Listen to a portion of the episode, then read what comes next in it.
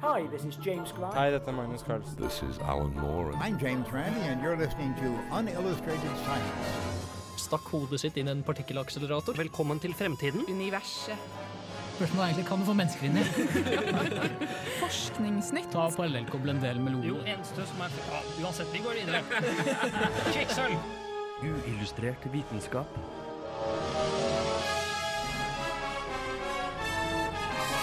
Science, it works, bitches. I dagens sending snakker vi om karbonbasert liv, hvorfor det rødmer, og vi tar også for oss et helt nytt materiale som er superhydrofobt.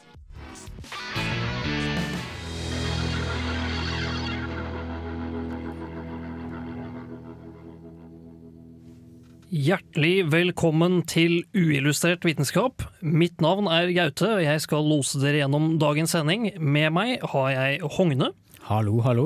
og i studio er også Øyvind. Naturligvis. Og vi tenkte å åpne dagens sending med en liten fun fact, som vi jo pleier å gjøre. Og den er det faktisk jeg som skal fortelle den.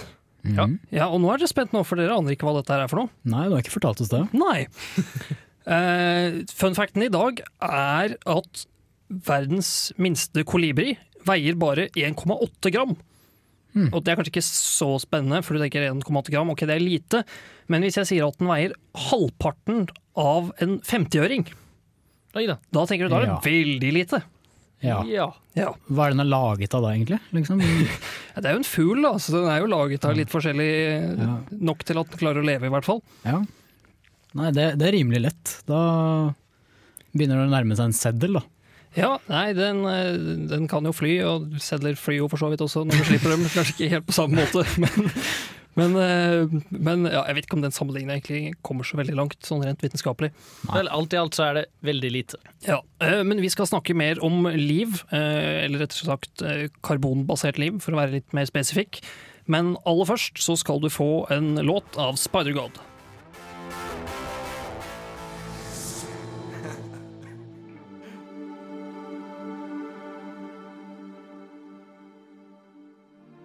Etter hvert som mennesker begynner å forstå oppbygningen av livet på jorda bedre og bedre, ser vi at det er mange stoffer som går igjen i alle livsformer. Enkelte atomer og molekyler blir plukket ut som nødvendige for skapelsen av liv. Men kan det oppstå på andre måter enn slik det er på jorda?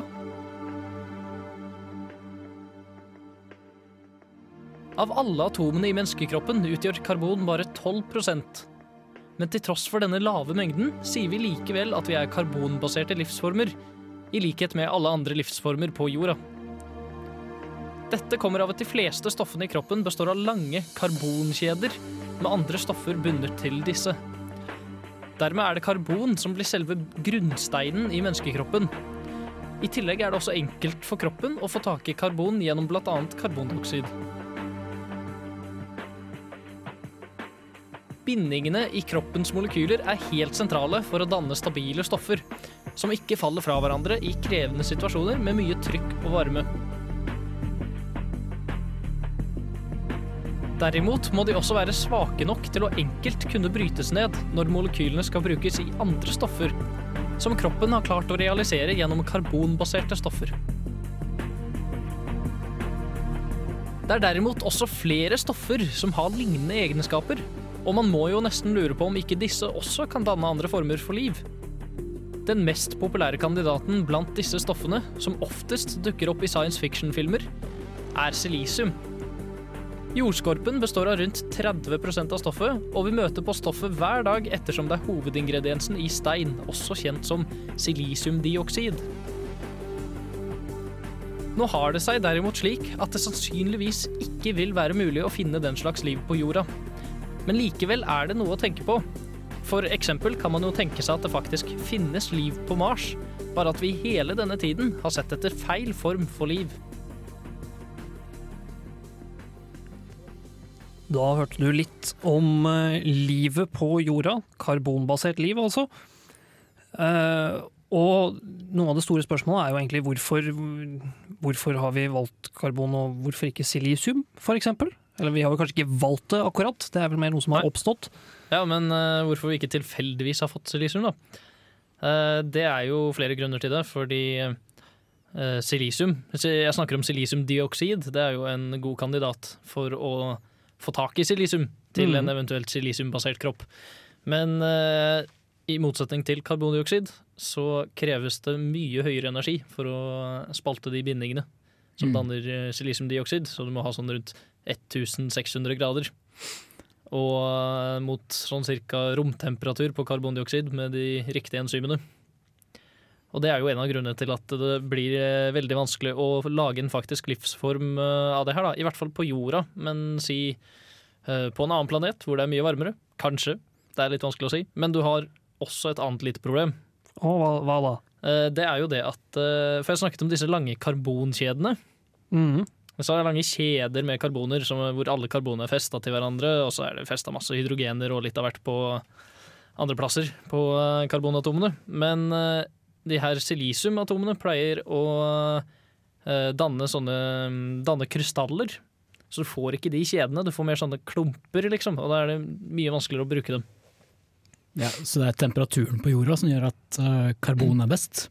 Det er nok det, ja. Eh, Men også den her, hva slags form du får på de her eh, lenkene. Ja. Må du ha sånn eh, Karbon har vel sånn fire plasser til elektroner og sånne der eh, ja, kjemigreier. Ja, det er, Er derfor, dette- eh, det, er faktisk, det er derfor man tenker på silisium, fordi den havner i samme gruppe i periodesystemet, da, som man sier. Altså, så den har, plass til, eh, den har plass til like mange elektroner, fire stykker. Så den har fire plasser som den liksom kan dele, Mm. for de som eh, kan, or- har eh, hatt litt organisk kjemi.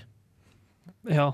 Eh, men, men dette betyr jo da egentlig, hvis man skal, skal liksom zoome litt ut og tenke Hvis vi som mennesker er på utkikk etter liv ellers i universet, betyr det at vi kanskje rett og slett kan ha funnet liv på andre planeter? Bortsett fra at vi, altså, vi tenker ikke på det som liv. Eh, mens vi kanskje kommer over en art på en eller annen eh, fjern planet som ville kategorisere ja, jeg vet ikke, sandhauger i en ørken som liv, eksempel. Det er jo tross alt ting som kan eh, Ja, det kan bli flere av dem. De kan formere seg, og de kan flytte på seg ved hjelp av vind. Vi Ja. formerer oss jo og flytter på oss ved å spise mat og Ja, så, er, det er kanskje en- dra en sammentrekning litt langt, sammenligning, men ja, eh, sånn, Hva er definisjonen på liv? Det er Ja. vanskelig å definere det, jo. Uh, ja, det blir jo veldig vanskelig å si noe sikkert der. Uh, men altså, ja, hvordan skal man definere liv? Det, hvis du tenker noe som går rundt og beveger seg, så, og spiser ting, så jeg tror ikke du finner noe silisiumbasert.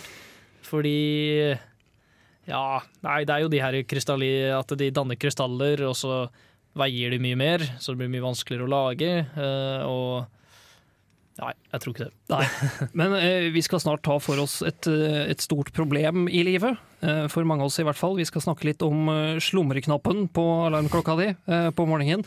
Men aller først så skal du få litt musikk.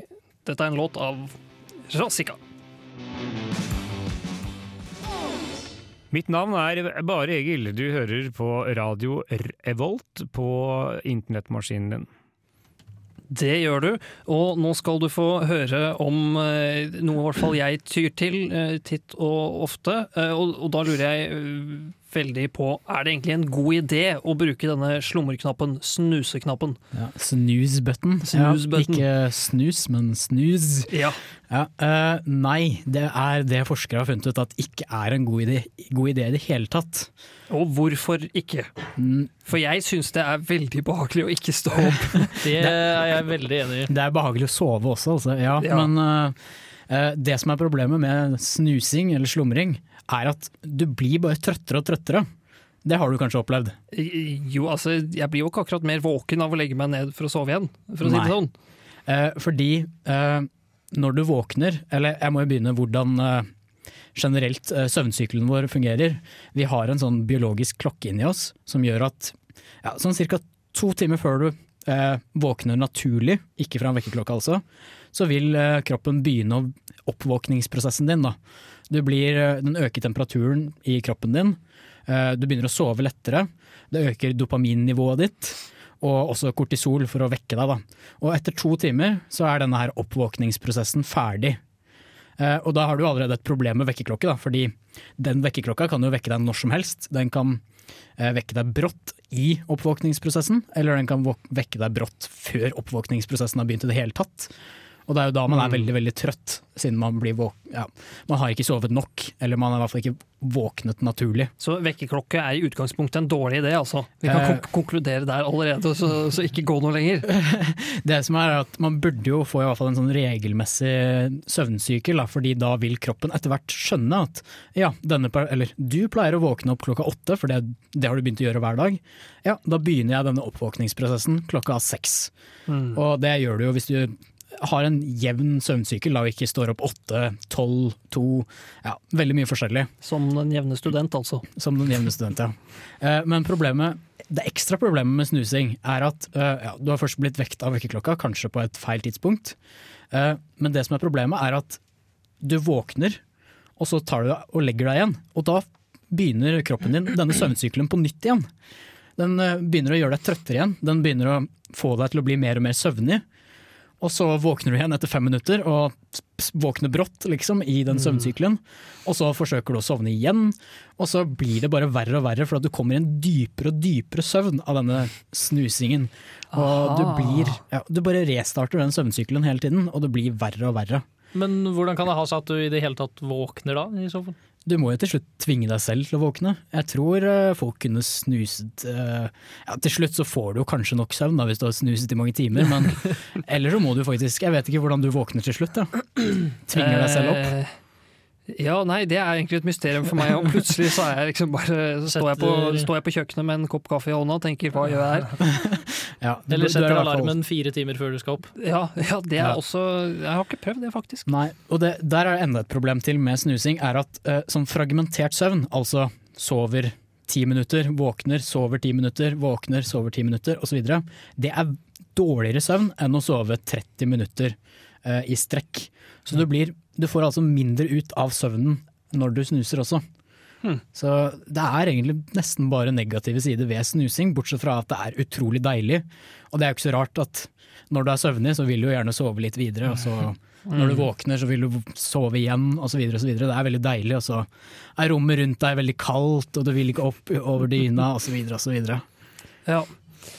Eh, men da skal vi ikke slumre mer eh, med snakk om slumreknapp. Vi skal videre og snakke om et skikkelig kult materiale, men først får du en låt. Dette er Mr. Noah av Panda Bear.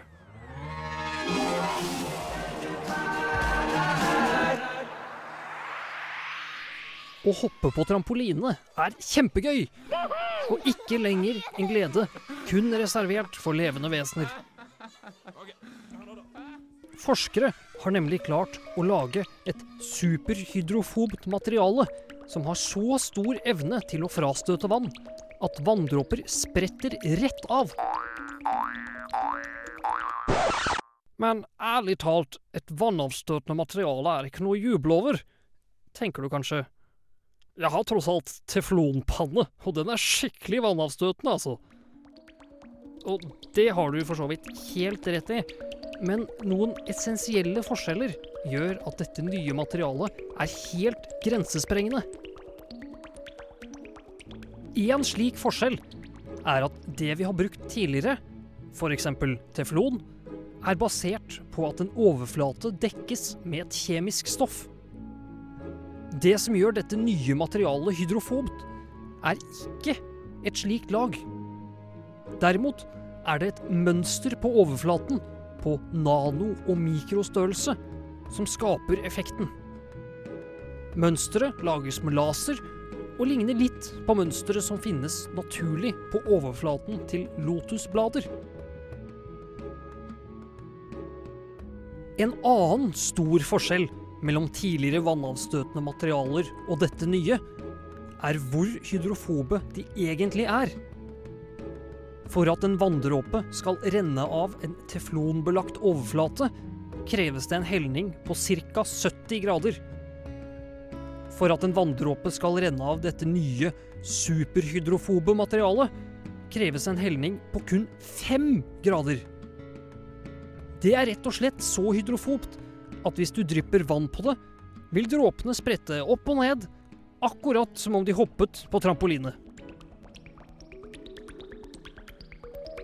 Og selv om vanndråpene kanskje ikke føler glede når de hopper på den hydrofobe overflaten, så blir i hvert fall jeg glad når jeg ser de sprette rundt som småunger på 17. mai.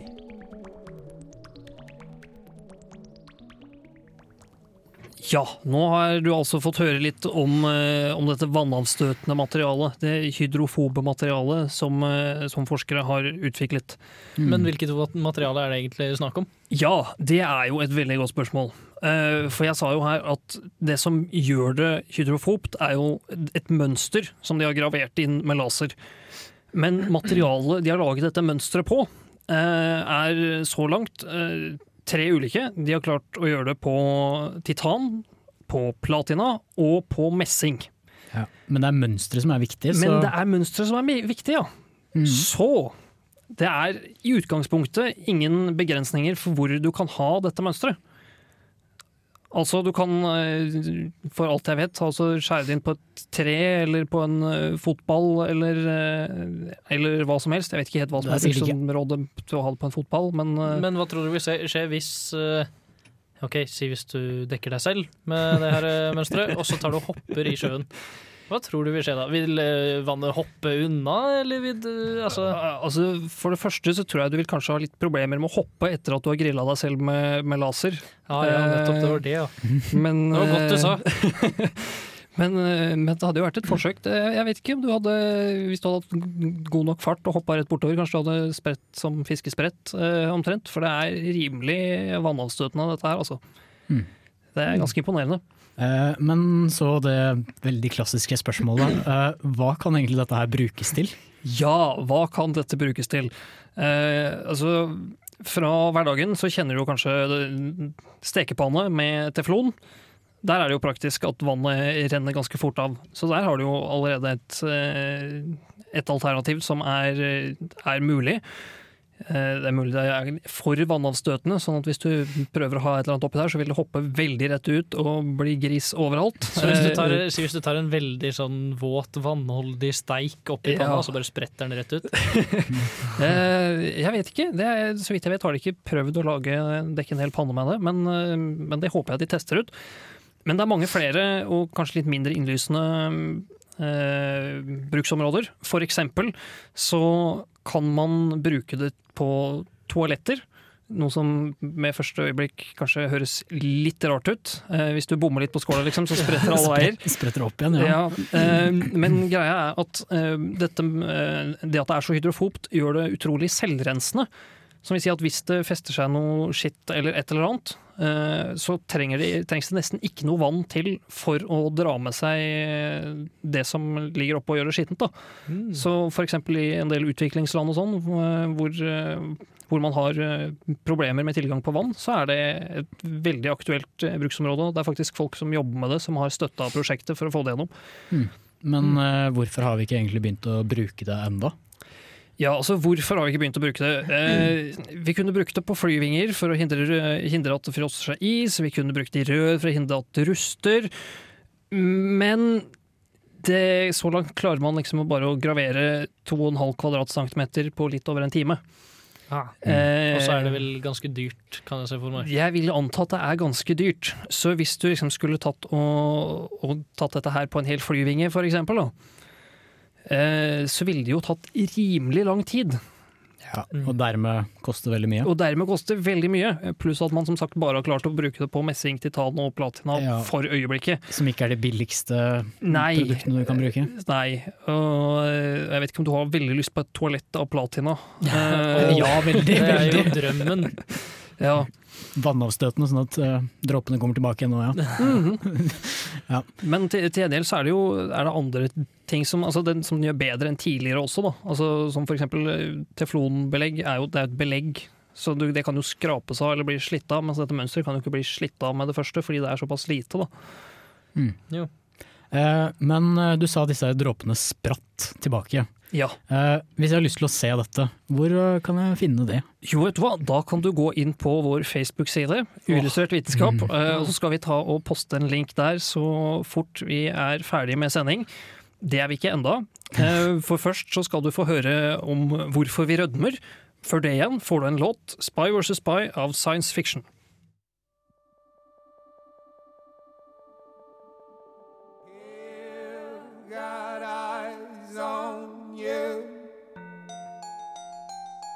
Se for deg at du nettopp har tabbet deg ut ved å kommentere hvor mange chicken nuggets damen foran deg bestilte, og fått et surt blikk tilbake. Du er flau over situasjonen, og uten at du greier å stoppe det, så begynner du å rødme. Men hvorfor begynner vi egentlig å rødme? Gjør ikke det at vi begynner å rødme situasjonen bare enda flauere?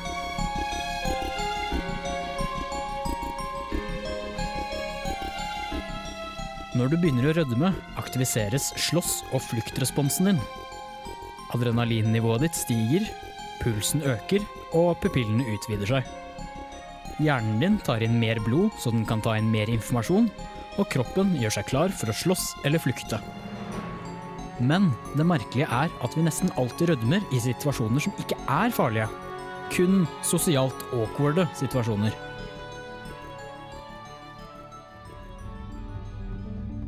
Forskere vet ikke helt sikkert hvorfor vi rødmer. Noen tror at det kan være et mer ærlig signal om at du er lei deg for at du har tabbet deg ut i en sosial situasjon.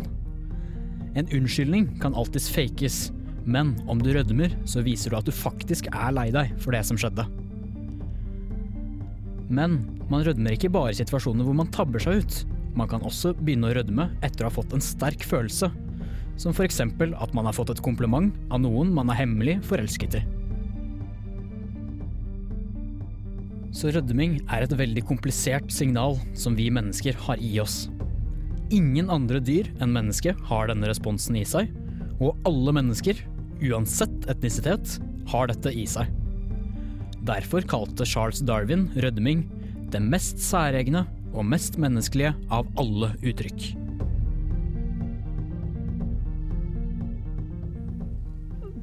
Og dette var jo veldig mye fin fakta om, eh, om hvorfor man rødmer, men, men hvorfor blir man egentlig rød i kinnene når man rødmer? Ja, fordi jeg nevner jo at uh, det som skjer når du rødmer, er jo du får den der slåss-flykt-responsen din og alle disse tingene at uh, pulsen øker og alt mulig sånn, og du får mer adrenalin. Mhm. Eh, men dette adrenalinet pleier vanligvis ikke å gå ut i kinnene dine. Men det er det som skjer da, når eh, du begynner å rødme. Eh, da får du ja, et stoff som heter adynylylsylase i kinnene dine. Og det er da som, ja, basically adrenalinet da, som eh, kommer ut i blodårene som ligger i kinnene dine. Og ja, noen har jo litt verre tilstander når de rødmer, og rødmer jo hele fjeset og får hele fjeset rød, ikke bare kinnene. Så du får liksom ekstra blodtilførsel til kinnene, da? Er det det som, eh, Ja, det- som gjør det? Det er egentlig den eneste forskjellen på eh, det som skjer når du rødmer, og det som skjer når du ja, eh, blir liksom ekstra påpasselig da, når du skal begynne å slåss eller flykte eller er i en litt farlig situasjon. For man rødmer jo ikke i farlige situasjoner i det hele tatt, man rødmer jo kun i situasjoner som er litt sånn flaue. da. Du er flau over et eller annet. Så man rødmer ikke hvis man eksempel jeg vet ikke, møte på bjørn eller noe sånt. Nei, med mindre du er veldig Hemmelig forelsket i bjørn. Ja, eller det er en person som heter Bjørn, Ja. som, som du har et eller annet eh, en, en litt merkelig situasjon med. Ja.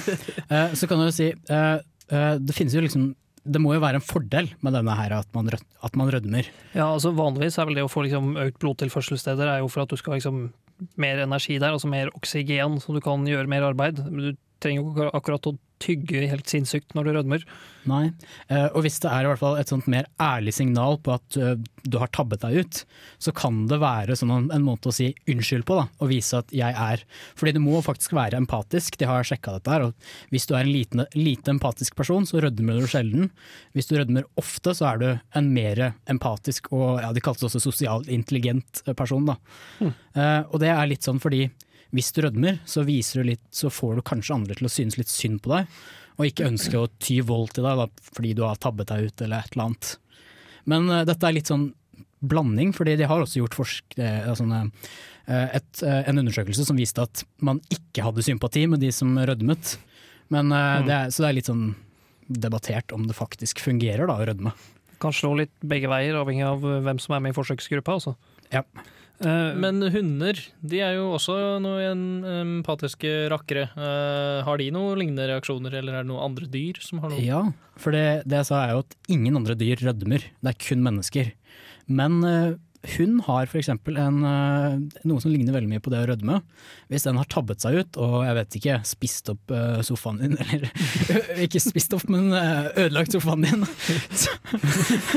Den blir sikkert flau da òg, men eh, da pleier den å legge seg på ryggen, og så ser den veldig veldig søt ut.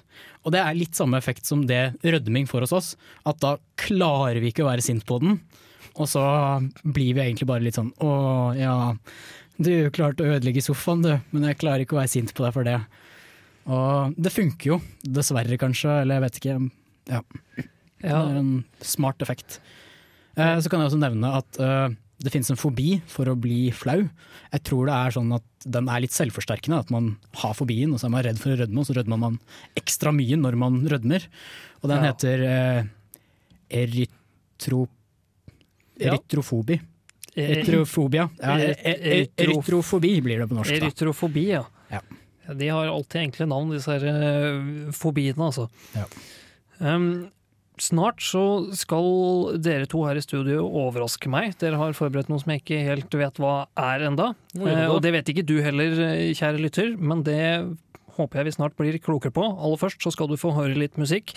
Dette er Bury Your Friends av Slater Kinney.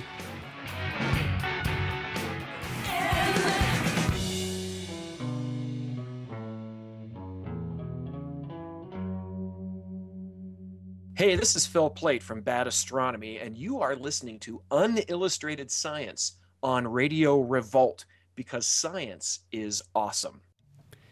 Ja, forskning er awesome, eh, og nå skal dere, eh, Øyvind og Hogne, få lov til å presentere det dere har forberedt. Hva, hva er det for noe egentlig vi skal få høre nå? Eh, Ja, hva skal vi si? Altså, det, er, det er litt forskjellig forskning som er, er veldig åpenbar. Veldig åpenbar forskning. Det er viktig å gjøre åpenbar forskning også, det har vi jo faktisk pratet om. Men det høres litt teit ut av og til. Fordi konklusjonen blir litt sånn ja, det er dette her dere har brukt noen millioner på å finne ut av. Dette visste vi jo fra før av, liksom. Ja, eh, kan ikke, Da kan vel du begynne, da, Hogne? Jo, eh, ja. Eh, den første er noen som har funnet ut at det å bli skalla, det er eh, ja, uh, upsetting. Det er forferdende, eller hva heter det på norsk? Upsetting. Uh, Oi, nå, nå frøs det til De- her, altså. Eh, Folk uh, ja, uh, syns det er ille å bli skalla. I alle dager, det hadde jeg aldri sett for meg. Nei. Det er eh, liksom ingen som gleder seg til å bli skalla. nei. Så det, det var et veldig fint resultat de hadde der. Eh, og da har de også funnet ut at det var 43% som var eh, redd for at de ikke ble like attraktive etter at de ble skalla. 37% som var redd for at uh, ja, de ble eldre når de ble skalla. 22% som var uh, redd for uh, hva slags impact det kunne ha på det sosiale livet deres. Og 21% som tro, trodde at de kom til å bli deprimerte. Da. Og hele 62% trodde at de ville få lavere selvtillit. Ja, for det var ikke det at de ble deprimerte, de trodde at de kom til å bli det. Dette her var liksom det de var redde for, bekymret for. Da. Ja. Så de har ikke spurt faktisk skalla hva de har følt, men bare folk som tenker på at kanskje de kommer til å bli skalla. Da kan jo du ta neste, Øyvind. Ja, og det, for det viser seg nemlig til alle aspirerende sverdslukere der ute at uh, før du begynner å prøve deg på ordentlig sverd, så bør du kanskje tenke deg om litt, fordi det kan være farlig.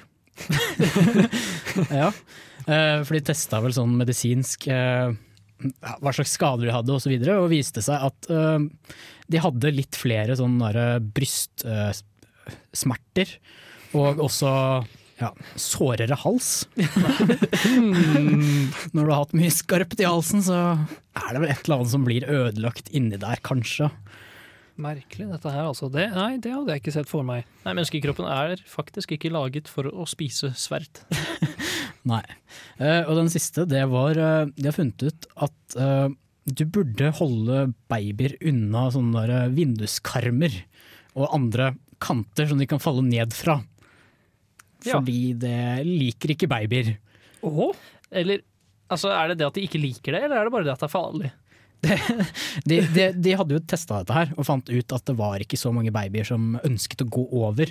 De hadde en karm, eh, en sånn kant, men de hadde en glassplate der, da, sånn at det så ut som at det var veldig mye ned, men de, de, de holdt jo ikke på uansvarlig, så det var jo ikke, sånn at, det var ikke mulig at de kunne skade seg. Men da, og sto moren på den andre sida og prøvde å lokke babyen over, og da, og da ville ikke babyen gå over, så den ønsket ikke det. Og så vet jeg ikke egentlig om de testa om det var farlig. De bare fant ut at babyer liker ikke å gå på sånne kanter eller karmer hvor de kan falle ned noen meter. Ja, men da har vi jo i hvert fall eh, fått bekreftet en del eh, sunn fornuft. Eh, det er bra forskningen gjør sin innsats på det området også. Du skal få mer musikk. Dette er Gunshowers Feet Elsie.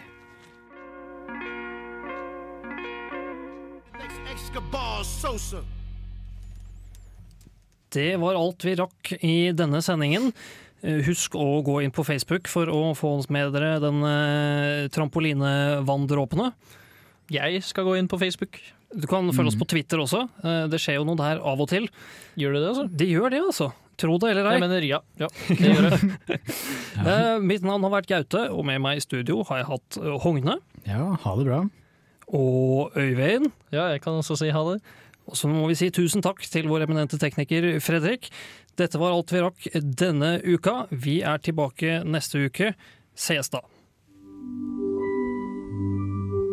Uillustrert vitenskap er Midt-Norges eneste teknologimagasin på lokalradio. Og vi snakker om alt fra populærvitenskap til sære forskningsprosjekt ved NTNU. Radio Revolt, studentradioen i Trondheim, er stolt av å kunne presentere podkaster fra de aller mest populære programmene våre. Hvis du har lyst til å høre mer fra Radio Revolt, hvem vi er og hva slags musikk vi spiller, så kan du høre oss på FM-båndet i Trondheimsregionen, eller streame sendingene våre live på radiorevolt.no.